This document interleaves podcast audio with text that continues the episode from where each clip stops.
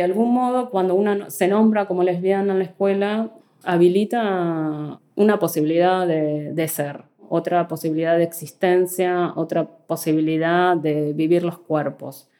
Y entonces en este lesbiana que se habilitaba desde las maestras, obviamente que no mm, rompía con la figura eh, o desheterosexualizada de la maestra o heterosexualizada la maestra, la figura maternal. Entonces también había ahí una suerte de interferencia en la identidad docente, ¿no? o en esa construcción histórica de la identidad docente que es una profesión altamente feminizada, pero también heterosexualizada, ¿no? Val Flores es escritora, activista de la disidencia sexual, tortillera, feminista, heterodoxa, queer, masculina, maestra, prosexo, errante, vieja, friolenta, pirata en devenir, vegana, seria pero no solemne, border de las instituciones, viene de Neuquén, Actualmente habita La Plata y vive en la obsesión paralingüística de escribir su nombre con minúsculas. Escritura, práctica docente y activismo feminista lésbico queer. se entrecruzan en su trayectoria para generar disrupciones que sacudan las estructuras del heteronormativismo neoliberal y colonial Val Flores reivindica la lesbianización del espacio público y la descomposición de las tecnologías de género que encorsetan nuestros cuerpos, deseos y sexualidades. Proponen asimismo generar destiempos para la escucha pedagógica, para la reflexión colectiva, la acción poético-política, la duda, el tartamudeo, el ensayo y el error de tiempos que trazan brechas para la emancipación.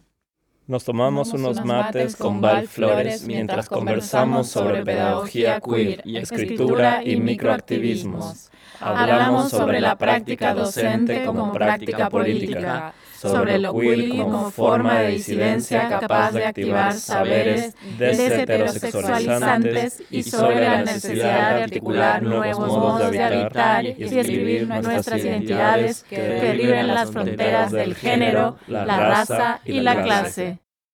Mis campos de, de intervención digamos que puede ser la escritura, la práctica docente o el activismo lésbico, feminista, queer, eh, se componen como de pequeñas gestualidades o de prácticas mínimas que apuntan a, producir como otras formas de subjetivación, otros imaginarios y otras formas de sensibilidad. ¿no? Y en esos microgestos, que a mí me gusta llamarle como tropismos de la disidencia, los tropismos que son esos pequeños giros que hacen como las plantas eh, en función de, un estímulo externo, pero como un movimiento casi imperceptible. ¿Cómo aparece el cuerpo y el deseo de la maestra en los registros y escrituras de la enseñanza? ¿Se puede enseñar sobre la heterosexualidad siendo marica o torta? E inversamente, ¿se puede enseñar sobre la homosexualidad siendo hetero? Mi experiencia docente comienza en el año 96, cuando en realidad me inserto en el sistema educativo. Y yo venía de tener una formación en un instituto de formación docente de, de la ciudad de Plotier, que queda cerca de Neuquén, como con una perspectiva bastante crítica. Crítica en términos de trabajar desde la pedagogía crítica. Ahora, de feminismos y disidencia sexual dentro de la formación la verdad que nunca fue un, asunto a abordar ni a problematizar. De algún modo mi práctica docente se fue tramando o contaminando con mi práctica activista como feminista, que, que empecé en Neuquén alrededor del año 2000, en un grupo feminista que después, por esas diferencias personales y políticas que empiezan a aparecer, eh, yo me fui de ese grupo y formamos un grupo de lesbianas feministas que llamaba Fugitivas del Desierto.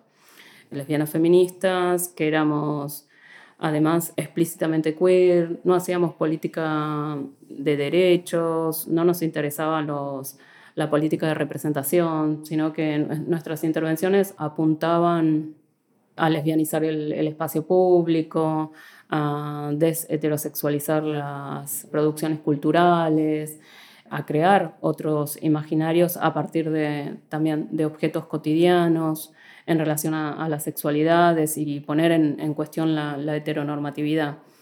Y las intervenciones básicamente tenían como tres patas, la cuestión teórica, la cuestión política y la cuestión estética. Siempre desde un activismo autogestivo, eh, que autofinanciado, autodidacta, porque la verdad que nos formamos con materiales que íbamos adquiriendo cada una y sí recuperando las genealogías feministas y de la disidencia sexual como más críticas y eso lo íbamos eh, poniendo en tensión con nuestras propias vidas. Y simultáneamente yo eh, era docente en escuelas primarias, así que fui haciendo como ese ensamblaje de, de pensar la, la práctica docente como una práctica política que ya venía de mi formación docente, pero al cruzarla con feminismos y disidencia sexual adquiere realmente otra dimensión porque pone en el cuerpo, nuestro cuerpo, en el centro de la escena como para interrogarlo políticamente, ¿no?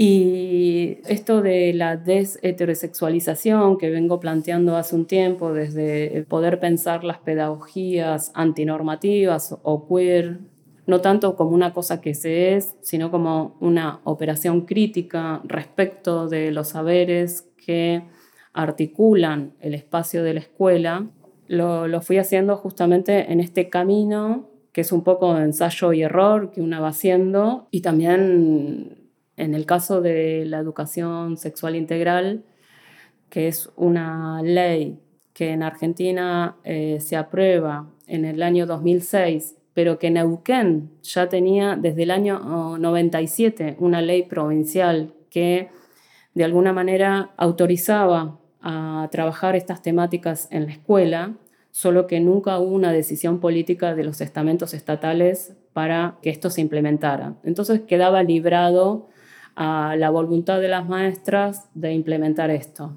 Y yo me apropié como de esas herramientas y dentro de mis clases iba incorporando algunas cuestiones de, reflexiones acerca de las sexualidades, eh, el binarismo de género, pero que también en esa práctica fue variando, tal vez desde modelos como mucho más convencionales al principio, que resultaban rupturistas para la escuela, pero sin embargo seguían siendo un modelo bastante convencional, a en los últimos tiempos que di clases, ya se dispuso un espacio particular y singular que era el taller de sexualidad, además de dar ciencias sociales o lengua, que eran las materias de las cuales yo estaba a cargo, había un espacio que era el taller de sexualidad y era justamente un taller donde los corríamos los bancos, eh, los chicos y las chicas se sacaban el guardapolvo,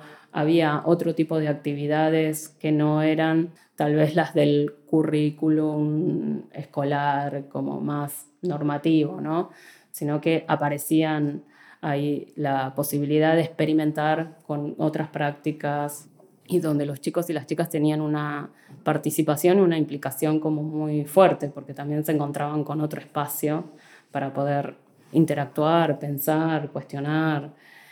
Así que como mi práctica docente y mi práctica política como feminista y lesbiana, fue como una trama que se fue haciendo al mismo tiempo.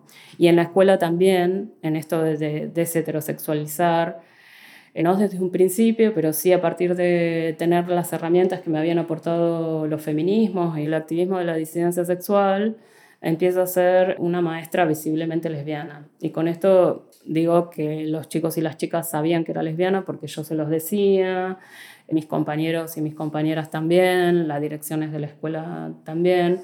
Entonces, por un lado, esta política de visibilidad como lesbiana también apunta a la desheterosexualización, pero eso para mí hay que ponerlo en relación con la posibilidad de pensar también otra pedagogía que cuestione justamente el núcleo heteronormativo del saber escolar. Digo, como con ser lesbiana o decirse lesbiana en la escuela es un paso, pero no alcanza, porque hay que cuestionar cómo el saber escolar, que para quienes tenemos identidades no heteronormativas, se nos constituye como en ese tejido cotidiano, supernaturalizado, pero que sigue siendo heteronormativo. Y donde hay esa sensación tácita de no encajar, de estar equivocada, de, de estar desubicada. Entonces, para mí, digamos, la apuesta fuerte es intervenir, la verdad, en las políticas de conocimiento que tiene la escuela. ¿Cómo articular nuestras prácticas de afirmación vital, de placer, intimidad y afecto con el conocimiento impartido en las aulas? ¿Qué tipo de conocimiento produce el silenciamiento y ocultamiento? ¿Cómo produce la arquitectura escolar cuerpos heteronormativos? Las complicidades en la escuela para abordar estas temáticas también han tenido como distintas instancias. Cuando aún no se había aprobado a nivel nacional la ley de educación sexual integral, que yo estaba dando, amparada, digamos, o utilizando el marco jurídico que ya tenía Neuquén, estaba dando clases en una escuela que quedaba muy cercana, una escuela pública, estatal, que quedaba muy cercana a una iglesia católica pero que tenía un refugio para mujeres embarazadas. Los hijos y las hijas de esas mujeres iban a la escuela. Entonces ahí sí hubo una fuerte intervención que llegó mediante los padres y el cura de la iglesia, digamos, para oponerse a lo que estaba trabajando y hubo ahí complicidad con algunas docentes y con el que en ese momento era el encargado del programa provincial de educación sexual integral. Eh, se hizo una reunión con las mamás y los papás, se les explicó en qué consistía, qué era el marco jurídico que esto lo autorizaba y de algún modo eso abre un diálogo Tal vez un diálogo no en los mejores términos, pero por lo menos instala la discusión acerca de las sexualidades en la escuela. Y después en la última escuela donde yo trabajé, que fue una escuela también pública, estatal, en un sector muy empobrecido de la ciudad de Naucán, pero donde logramos a través de la dirección de la escuela, que era una dirección como muy receptiva, y con un estilo de dirección como muy democrático de poder dialogar entre las maestras los proyectos educativos que llevaba adelante la escuela. Entonces ahí pudimos hacer como un proyecto escolar que tenía como múltiples formas de intervención, donde nos interesaba hacer otra escuela. Y entre esos proyectos había uno de repensar los actos escolares y los símbolos patrios, otro era sobre sexualidad, que sí, en ese caso yo era como una de las impulsoras y desde esta obstinación de estar interviniendo constantemente, no solo a través de los proyectos, sino en estas microprácticas que hablábamos antes, microprácticas que ya no tenían que ver con el aula, sino también con la sala de maestras y maestros, donde muchas veces se hacen chistes heterosexistas, sexistas, homofóbicos, bueno, entonces estar ahí interviniendo sistemáticamente en esos espacios. En esa escuela sí hubo una complicidad más a nivel institucional que permitió también mi tránsito como lesbiana que sea un poco más amigable, porque lo cierto es que cuando yo me visibilizaba como lesbiana, en algunos casos, cuando los chicos y las chicas iban a sus casas y evidentemente contaban, aparecían algunas veces las madres preguntando por qué le dijo eso. En general nunca se nombra la identidad lesbiana, sino que hay un desplazamiento enunciativo que para mí tiene que ver con el contagio, entonces ni siquiera se puede decir la palabra, ¿no? Y en todo caso se daba una conversación con la mamá, la mamá te podía decir que estaba más o menos de acuerdo y ahí finalizaba. El tema es, cuando yo me fui lo que se diría masculinizando, chongueando en Argentina, y ya siendo una maestra visiblemente lesbiana, ahí sí empezaron a aparecer algunos papás que en general la presencia de los padres varones es como bastante escasa en la escuela y siempre aparecen con una actitud intimidatoria hacia las maestras, como cuando a la mamá se le acabaron los recursos para gestionar o para dialogar con la maestra, aparece el padre ya con una actitud bastante amenazante. Y ahí sí aparecieron, tengo situaciones así con varios papás varones donde su actitud era como mucho más agresiva, de agarrarme en el pasillo o a la entrada de la escuela y empezar a decirme cosas, cosas como, bueno, que era una enferma, anormal. En ese caso teníamos la política en la escuela de no dialogar a los gritos, en el pasillo, sino nos fuimos a una sala y pudimos establecer ahí un diálogo con el papá. Y el papá lo que nos decía es que él sí tenía amigas lesbianas con las cuales compartía fiestas, pero el problema era que lo dijera la maestra de su hijo, porque como que sentía que lo iba a perjudicar en su propia identidad, porque él le enseñaba cuando salían en el camión a gritarle piropos a las chicas. Y justamente era una de las cosas que habíamos trabajado en el taller de sexualidad, de esta apropiación del cuerpo de las mujeres en el espacio público por parte de los varones. Así que era totalmente contradictorio lo que estaba pasando ahí.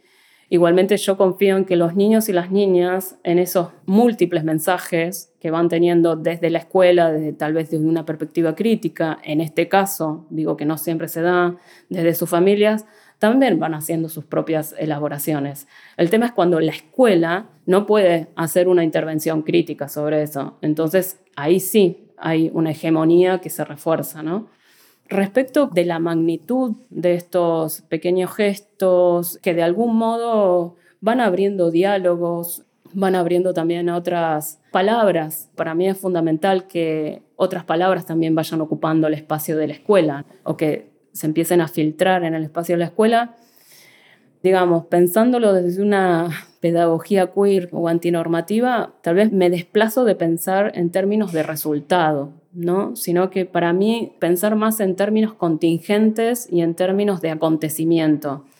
Esto es lo que se configura a partir de determinadas condiciones y yo puedo intervenir, ¿no? Después, ¿qué es lo que pase con eso? Digamos, corriéndome de una narrativa de progreso, de que eso va a llevar a la transformación social. Y realmente no lo pienso así, porque lo cierto es que después suceden muchas cosas. Suceden muchas cosas en la vida de los chicos y las chicas, en nuestras vidas como docentes, pero sí que por lo menos en el espacio donde uno interviene puede acontecer otra cosa. Y por eso es como pensar más el espacio educativo fuera de la trascendencia o de una pedagogía teleológica que tiene un fin allá lejos, sino pensar más en términos de acontecimiento y de intervención subjetiva. Pensar que la arquitectura también es una tecnología de género, que, hace que los cuerpos se distribuyan de determinada manera, que circulen de, cierta forma, que se dispongan, eh, digamos, que creen ciertas prácticas y bueno, la escuela en este sentido hace un gran trabajo porque la división en aulas, la cuestión de los baños, eh, los pupitres, cómo se dispone, digamos, el espacio ese educativo con cierta configuración espacial que hace que los cuerpos se relacionen de un modo y no de otro, ¿no?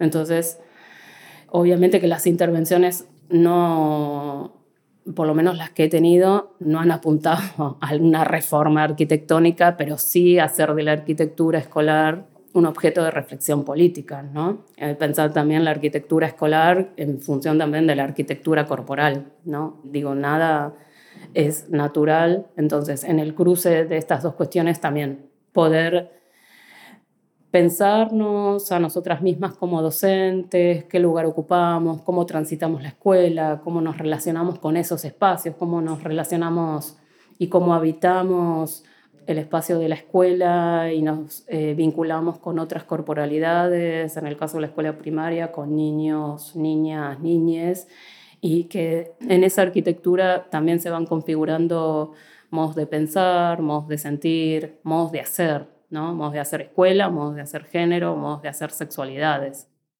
¿Inhibe el sistema educativo la autonomía intelectual de las maestras? ¿Qué tiene que ver el conocimiento impartido por la escuela con una economía del deseo centrada en el falocentrismo? ¿Cómo se vincula en la enseñanza el régimen de conocimiento heterosexual con la propia identidad de la docente? ¿Qué le aporta a las niñas mi forma de encarnar cierta masculinidad como maestra? ¿Y a la masculinidad de los niños? ¿Cómo interpela mi posición lesbiana a los códigos educativos?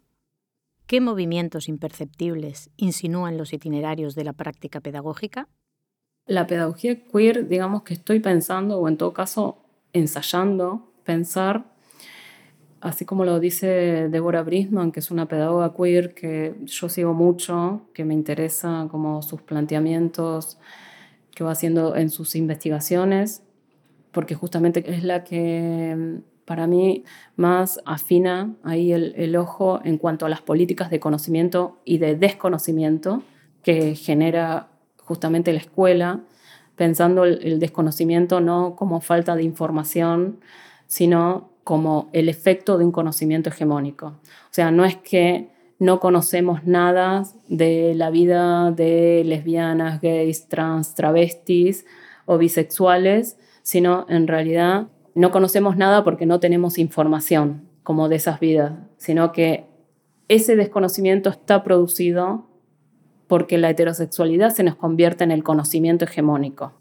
Entonces genera esa ignorancia como un efecto y justamente desarticula ese binarismo conocimiento-ignorancia sobre el cual está estructurado la escuela, ¿no? Entonces, pensar en esos términos, la ignorancia como el efecto de un conocimiento hegemónico, a mí me permitió como también ir explorando una pedagogía queer, primero que, digamos, es corporizada en términos que el cuerpo de una está implicado en esa construcción educativa cargada de una historia, de significados culturales, políticos, económicos.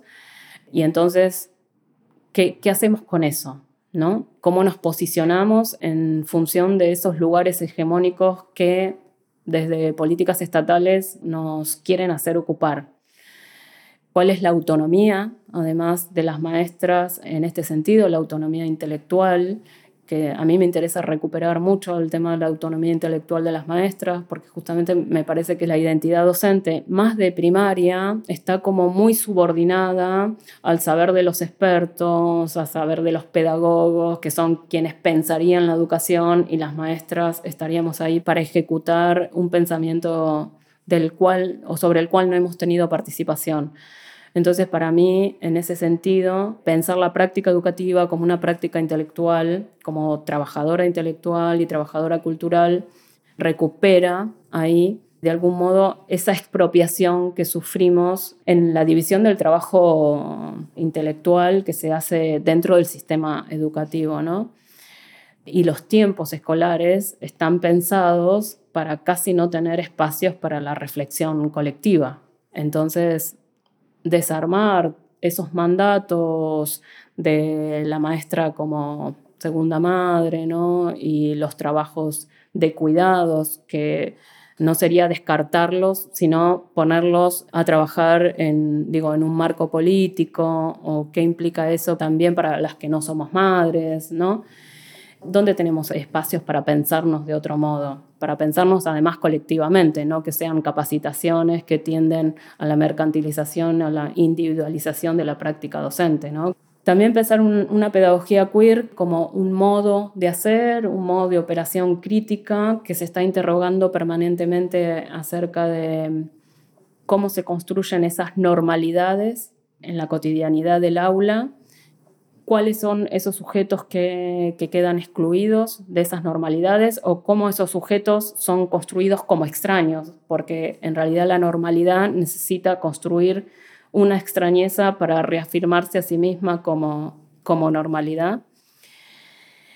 Y básicamente, digamos, lo queer para mí en lo educativo es como un llamamiento constante a desarmar los binarismos con los cuales nos hemos formado. Entonces es como una interrogación permanente eh, sobre todos esos binarismos que la escuela construye sistemáticamente. Y la escuela en realidad tiene, lo que yo digo, una pasión por fijar, fijar identidades, fijar espacios, fijar rutinas, fijar prácticas, eh, fijar eh, modos de hacer.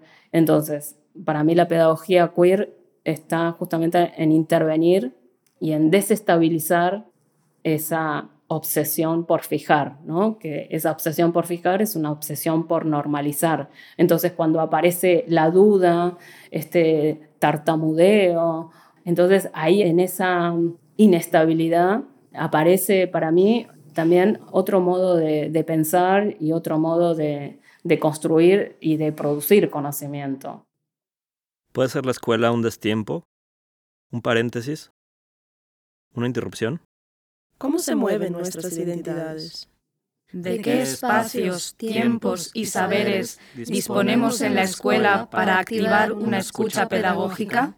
¿Cómo vincular las prácticas de la intimidad con las prácticas de producción de conocimiento? Entendemos la infancia como estado político o como estado biológico. Nuestra escucha está preparada para relatos de deseo y de goce de niñas o solo para cuando son víctimas.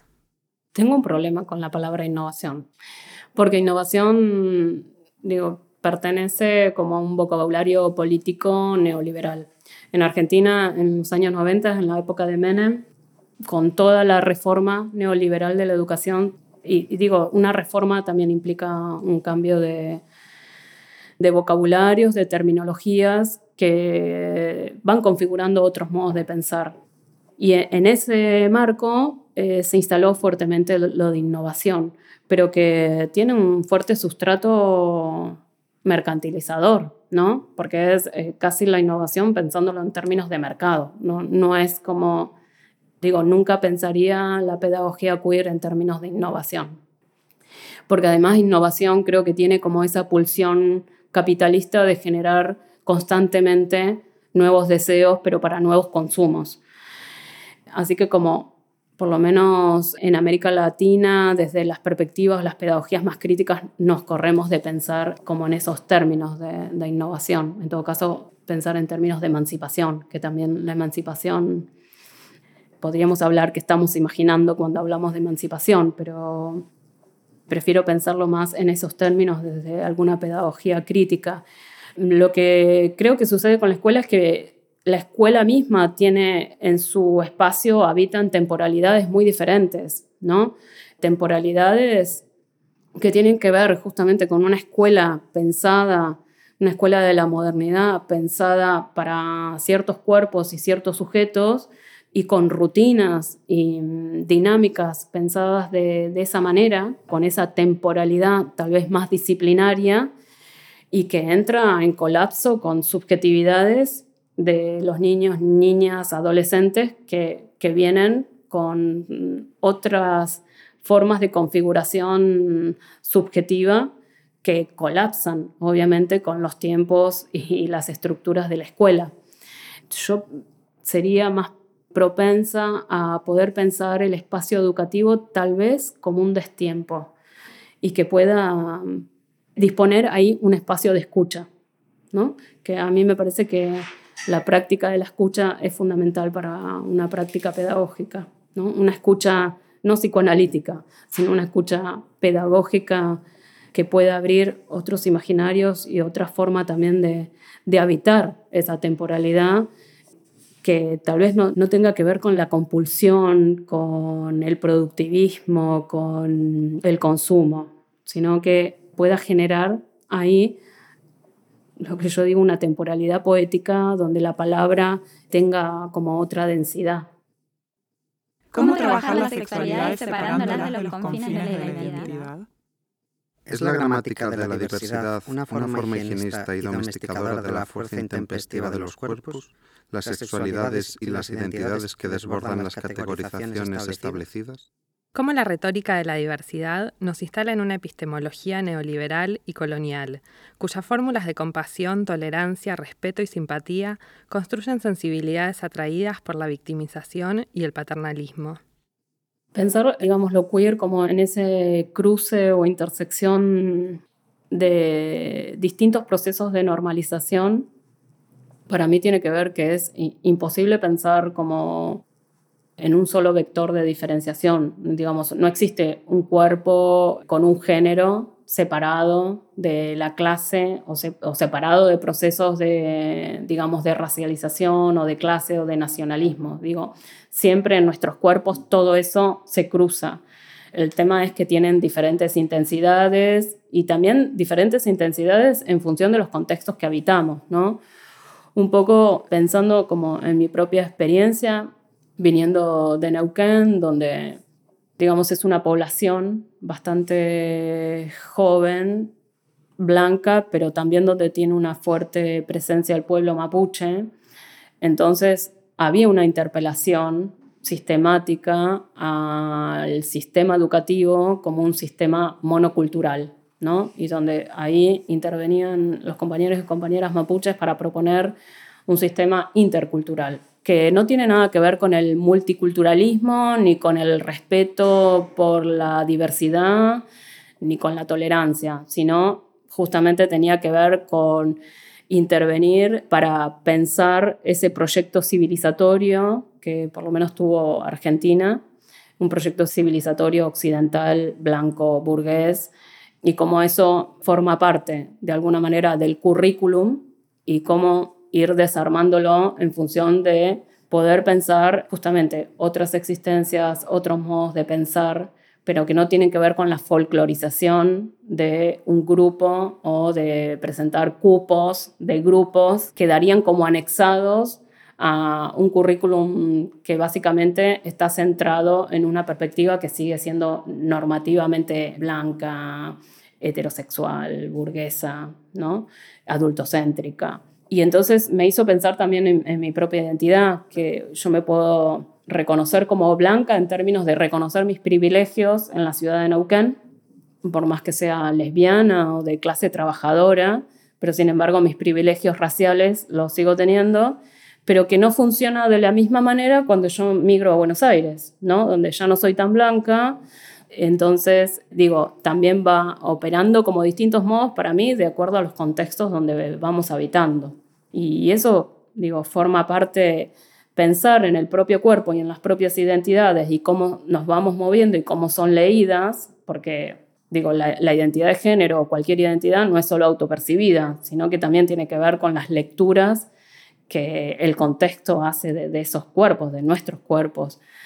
Y es, de algún modo, estar en permanente alerta sobre nuestros privilegios en el caso de, habitar una identidad blanca y de cómo eso se nos va colando en nuestros propios modos de pensar, en nuestras propias construcciones epistemológicas y nuestros corpus de conocimiento.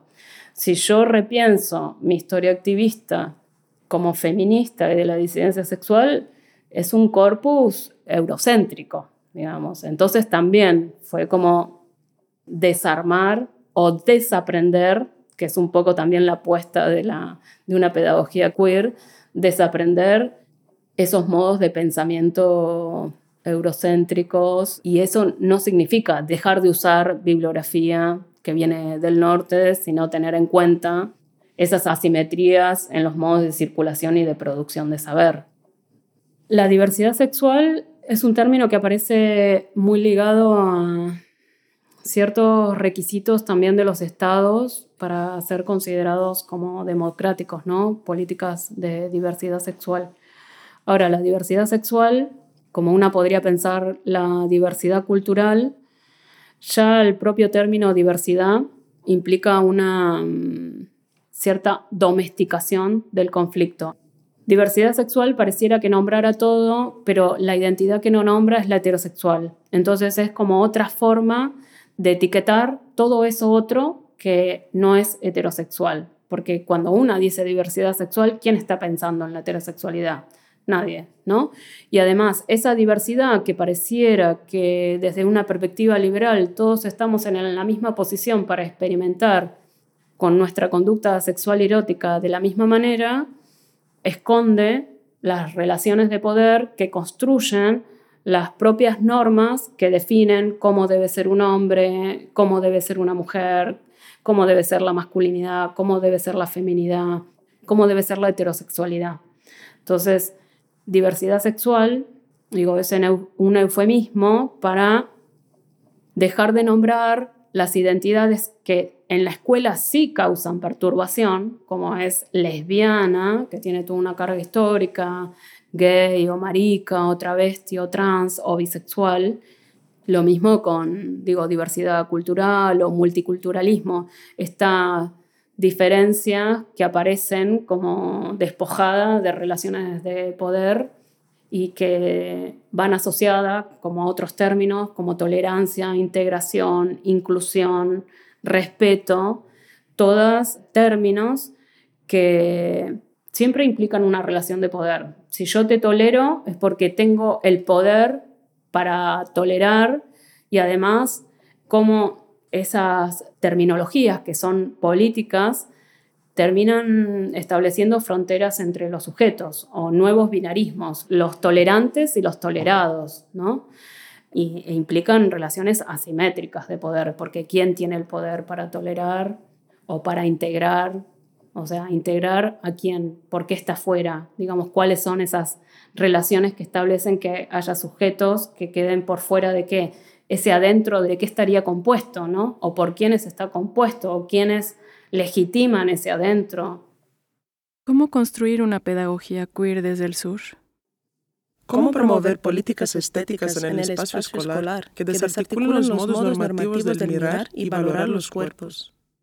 ¿Qué formas de lenguaje son plurisensibles, multitemporales y desterritorializadas? ¿Qué efectos produce en la práctica educativa el closet como epistemología de la ignorancia? ¿Cómo aumentar la circulación de las identidades como una formación, como sujetos preexistentes?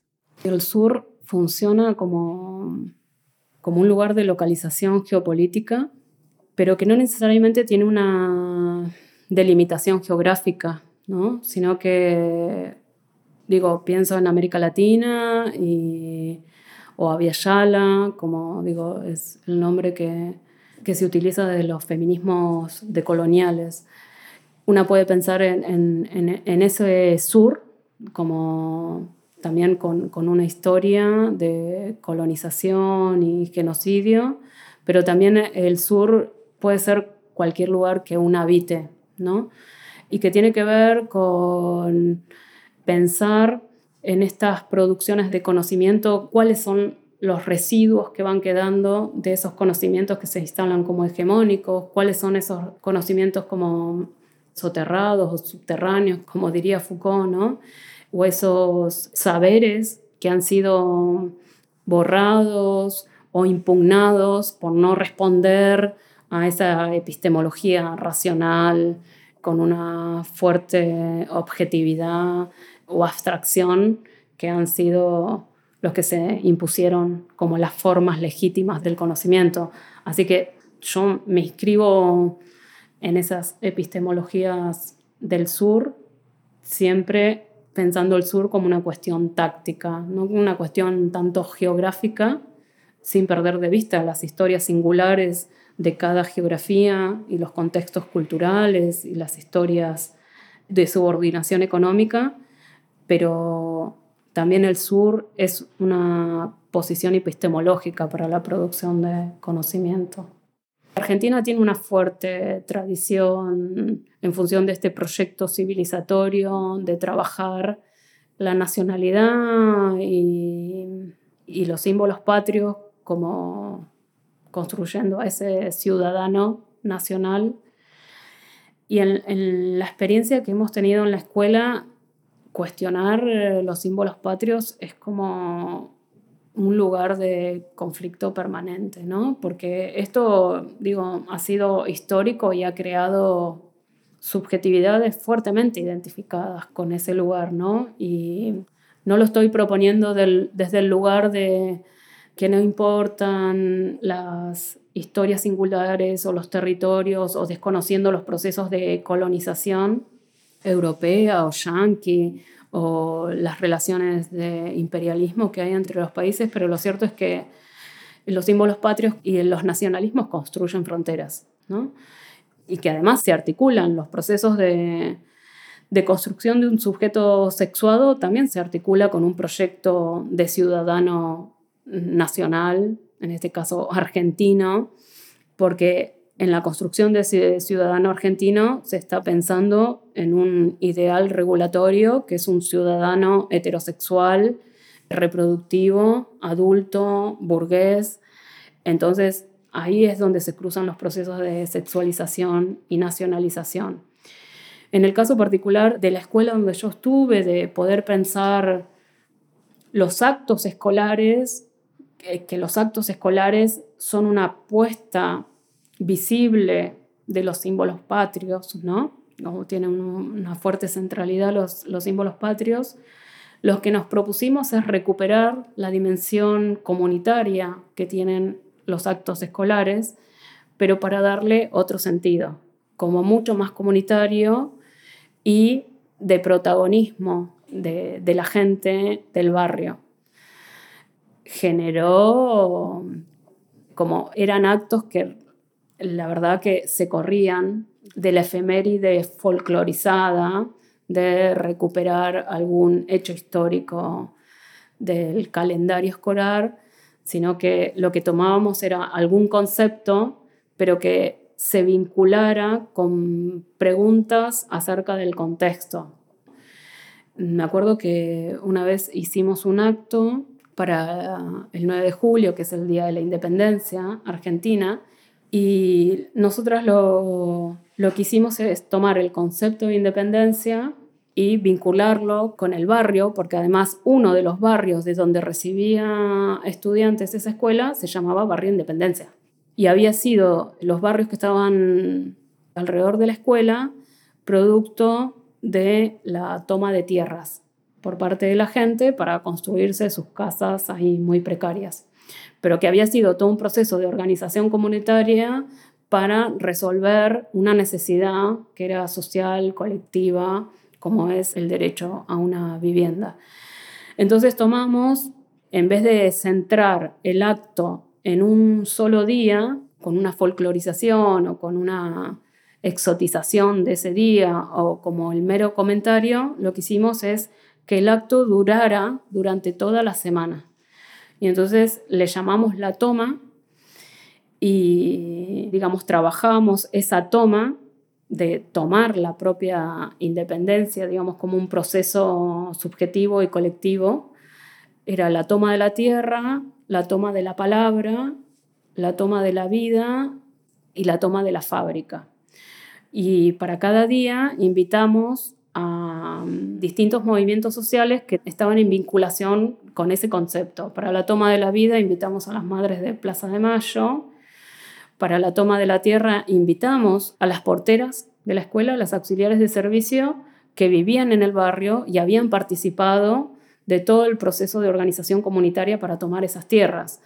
Y también en ese caso implicaba desplazar como la voz autorizada que se da dentro de la escuela, que éramos las maestras, para que aparecieran las voces de esas mujeres, que son las que limpian la escuela, pero que también tienen todo un bagaje y un capital y colectivo de cómo se organizó el barrio y de esas estrategias que se dan las comunidades cuando hay una necesidad de por medio para resolver y un derecho que no se cumple, que se cumple por la propia autogestión de la gente, ¿no? Para la toma de la fábrica invitamos a los obreros y las obreras de Sanón, que era una fábrica que mm, casi fue, digo, abandonada por los patrones y los obreros la pusieron a producir después de un conflicto como muy intenso y muy largo. Y era Sanón bajo control obrero, fábrica sin patrones. Y la toma de la palabra, que era un grupo de mujeres que se organizaron dentro del barrio cuando se estaban construyendo como sus casas para resolver como cuestiones de salud de la población, pero especialmente de las mujeres, y se dedican bastante a violencia contra las mujeres. Entonces, el espacio de la escuela se empezó a llenar de otras voces de la comunidad, entonces recuperar esa dimensión colectiva y ritual que tiene el acto, pero para poner a jugar otros protagonismos sociales, en función de esa conceptualización del Día de la Independencia. Cumplíamos con algunos micro rituales como la bandera de ceremonia de la escuela, pero después, a su vez, eso se empezaba a contaminar de otras voces y de otras experiencias políticas y sociales y culturales que estaban en el barrio. Y de alguna manera era darle entidad para que eso apareciera y empezara a ser visibilizado dentro de la escuela, a ser reconocido por los propios chicos y chicas de que sus mamás eran protagonistas de procesos sociales y culturales y que también tienen una voz autorizada dentro de la escuela. Entonces, hay una contaminación de saberes que se van produciendo en esa forma de intervención que por un lado sostiene como algunos elementos para que sea reconocido como acto, pero a su vez pone a jugar otros sentidos. Y muchos venían de la comunidad boliviana y de la comunidad chilena. Esto también fue mm, objeto de discusión cuando nosotras quisimos incorporar en este izamiento de la bandera que se hace cotidianamente en la escuela, la posibilidad de que estuvieran también otras banderas para que los y las estudiantes se sintieran reconocidas en ese espacio. Y eso sí generó muchísima resistencia por parte de las docentes, ¿no? incluso la bandera mapuche. Pero cuando digo resistencias es hasta gente llorando porque sentían que estábamos pisoteando la bandera argentina, ¿no? Como por eso digo la capacidad de subjetivación que ha tenido ese proyecto civilizatorio nacionalista de la Argentina, ¿no? Y bueno, eso instalamos la discusión con algunas compañeras, pero sin embargo no pudimos tener el consenso institucional para que eso ocurriera. ¿Cómo, sostener una identidad como punto de vista experiencial, irreductible, tenso, festejante, en duelo, que tensione o contradiga o interfiera la heteronormatividad? ¿A quién le hemos entregado nuestras palabras? ¿En qué bocas han quedado abandonadas? ¿A qué monopolios se las hemos cedido? ¿Puede la escritura desplegar alguna pasión a punto de apagarse, batallar contra un silencio o enfocar hacia las sombras que todas los construye? Si el juego de la escritura inventa otro orden de visibilidades, ¿puede entonces crear zonas de sensibilidad insospechadas y señalar matices y actos mínimos como políticas de la diferencia? Para mí ahí en la escritura se crea como otra temporalidad pero porque también es una tecnología de pensamiento, una tecnología poética política. Y sí tiene que ver con una pulsión vital, pero que está asociada justamente a esto, con un modo de pensamiento. En la práctica docente, la escritura fue un modo de pensar la práctica, digamos, no como una cuestión de que yo escribo para aplicar una teoría, sino que el trabajo intelectual tiene una fuerte pulsión poética ahí y además porque fue una experimentación también como formas de identificación política, de pensarme como lesbiana o desde lesbiana o en lesbiana y con toda esta conjugación y multiplicación de sentidos que puede haber en el marco de esas preposiciones. Y un trabajo insistente de pensar en el lenguaje como modo de intervención política y estética, ¿no? porque en realidad en la escritura una construye un modo de la sensibilidad. Y un modo de la sensibilidad no me refiero a que una tenga que expresar emocionalidad o tenga que hacer explícita ciertas emociones en la escritura para que eso dé cuenta de la sensibilidad, sino que todos los regímenes de escritura son regímenes de sensibilidad en términos como modos de sentir el mundo, los cuerpos, los saberes, las articulaciones, el poder. Entonces, todos los regímenes de escritura, porque hay regímenes de escritura académicos, regímenes de escritura poéticos, bueno, esos regímenes construyen modos de la sensibilidad. Entonces, para mí, trabajar, insistir sobre las interferencias en ese lenguaje normativo con el cual hemos aprendido y nos hemos hecho y a su vez también nos podemos deshacer con esas microintervenciones, es una forma de activismo político. Y hay una insistencia así en pensar la forma de producción teórica como una forma de producción poética, ¿no? Vivir como en esta política y poética de la inestabilidad que se relaciona mucho con vivir en estado poético, ¿no? De nacer de la vida como una constante escena poética en términos de estas intervenciones sobre el lenguaje, ¿no? No, no porque solo escriba poesía, sino porque uno está mirando como esas minucias de la vida que nos van haciendo, que nos van deshaciendo.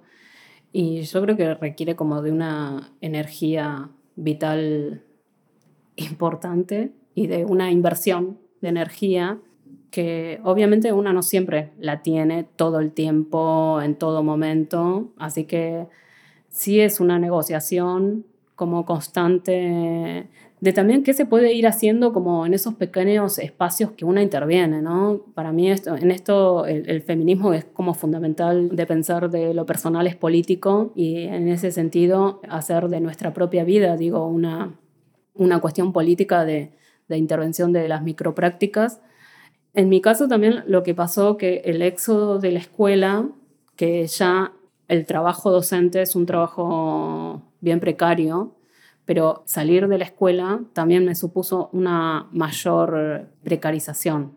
Por un lado, me significó salirme como de esa temporalidad que va imprimiendo la institución en una misma y en función de la cual una también va organizando su vida, también en función de eh, cierta seguridad económica a partir del salario. Bueno, salir de la escuela me implicó como mayor precarización, por un lado, esos tiempos flexibles que tienen los trabajadores y trabajadoras cognitivas, pero a su vez una precarización como mayor en términos de condiciones de vida. Pensándome a mí misma también en este momento en Europa, que es la primera vez que también cruzo el charco, de algún modo yo creo que he construido cierta erotización de lo precario. Entonces, para mí hay cierta dificultad de habitar ciertos espacios que resultan culturalmente como más confortables o con cierta significación social, como puede ser un museo. Para mí es la, primera vez también que trabajé en un museo. Suelo, como les decía antes, trabajar en espacios como mucho más precarios, se te cae un pedazo de techo, este, donde las cosas no están, hay una constante un trabajo a pulmón y esto en el activismo también, porque mis articulaciones han sido siempre como con los movimientos más autónomos. Así que es como vivir en esta constante interrogación y en esta pasión como escritural implica como esas precariedades, pero también una pulsión deseante que por lo menos hasta ahora me sigue gratificando y me genera como, como un trabajo erótico, como de una vitalidad, no sé, muy importante y, y potente.